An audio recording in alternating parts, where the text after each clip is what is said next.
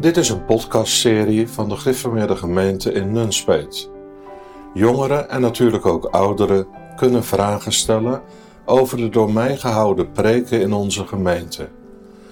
Deze vragen worden dan in deze podcastserie door mij beantwoord. We hopen dat de Heer ook dit middel wil gebruiken tot de uitbreiding van zijn koninkrijk en dat het tot verduidelijking en verder onderzoek mag dienen.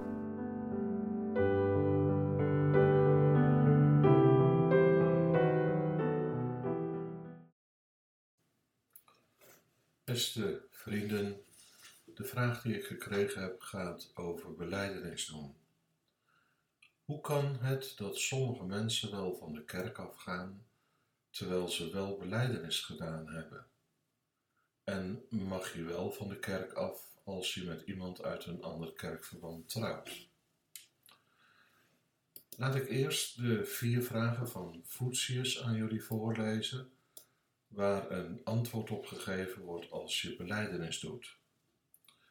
De eerste vraag is: verklaart gij de leer onze kerk, welke gij geleerd, gehoord en beleden hebt, te houden voor de ware en zaligmakende leer, overeenkomend met de Heilige Schrift? Belooft gij door de genade Gods in de beleidenis der zaligmakende leer volstandig te zullen blijven en daarna te zullen leven en sterven?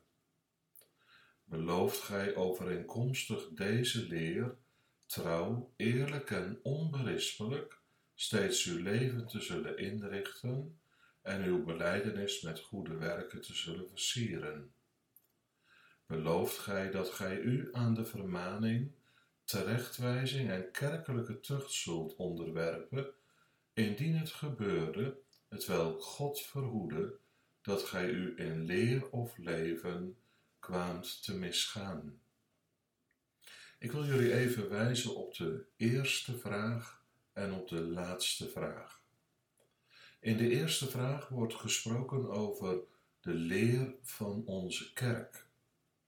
Daaraan kun je zien dat de beleidenis alles te maken heeft met de kerk waarin je beleidenis doet en de leer die daar geleerd wordt. In de laatste vraag hebben we gehoord dat je met beleidenis doen je onderwerpt aan de ambtsdragers die er in die kerk zijn. Je zult je onderwerpen als je vermaand wordt en met de kerkelijke tucht in aanraking komt.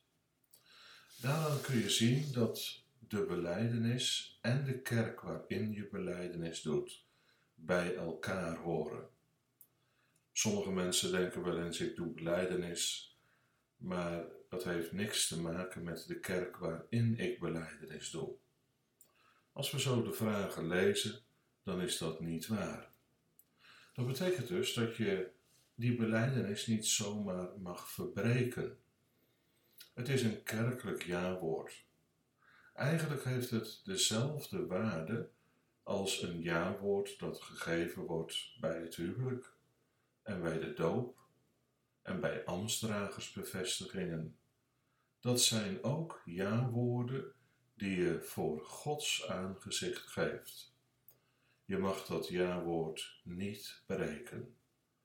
Als je na het doen van beleidenis weer van de kerk afgaat omdat je het met de leer niet eens bent of wat dan ook, dan verbreek je ja-woord.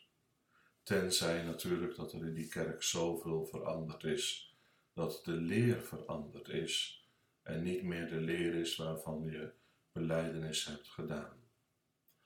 Als jullie dan aan mij vragen hoe komt het dan dat er mensen zijn die zo makkelijk met dat ja-woord omgaan, dan kan ik dat net zo min als jullie dat kunnen begrijpen, kan ik dat ook begrijpen. Ik probeer mensen daar ook altijd op te wijzen als zij bij de kerk weg willen gaan. Ja, maar je hebt toch beleidenis gedaan? Stel eens voor dat je zo ook met je ja-woord zou omgaan, dat je bij het huwelijk gegeven hebt. Dat kan toch niet? Nu noemden jullie in deze vraag ook een uitzondering. Het kan zijn dat je beleidenis gedaan hebt en dat je een jongen of meisje treft van een andere kerk. De vraag is of dat het Gods weg is. Dat is natuurlijk het allerbelangrijkste. Heel belangrijk is dat je samen hetzelfde denkt, zeker als het over geestelijke dingen gaat.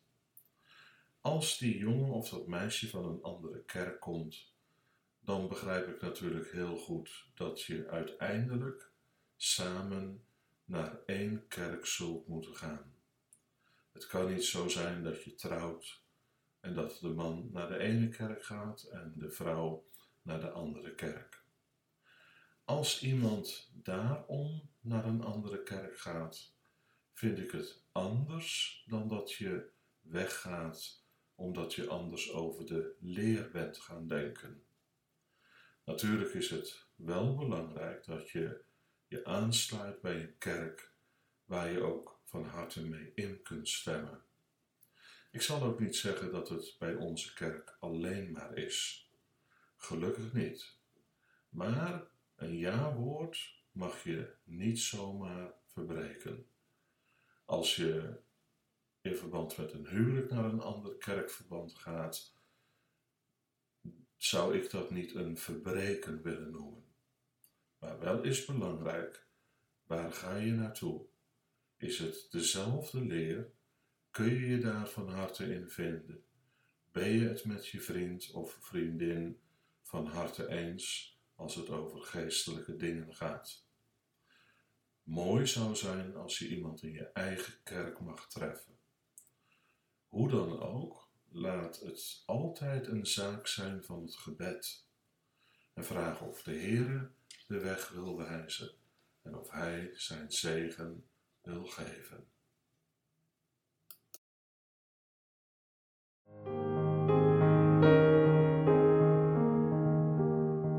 Heb jij nu ook een vraag over de preek?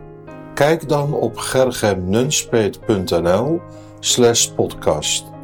Je kunt daar een vraag indienen en alle eerder beantwoorde vragen terugvinden.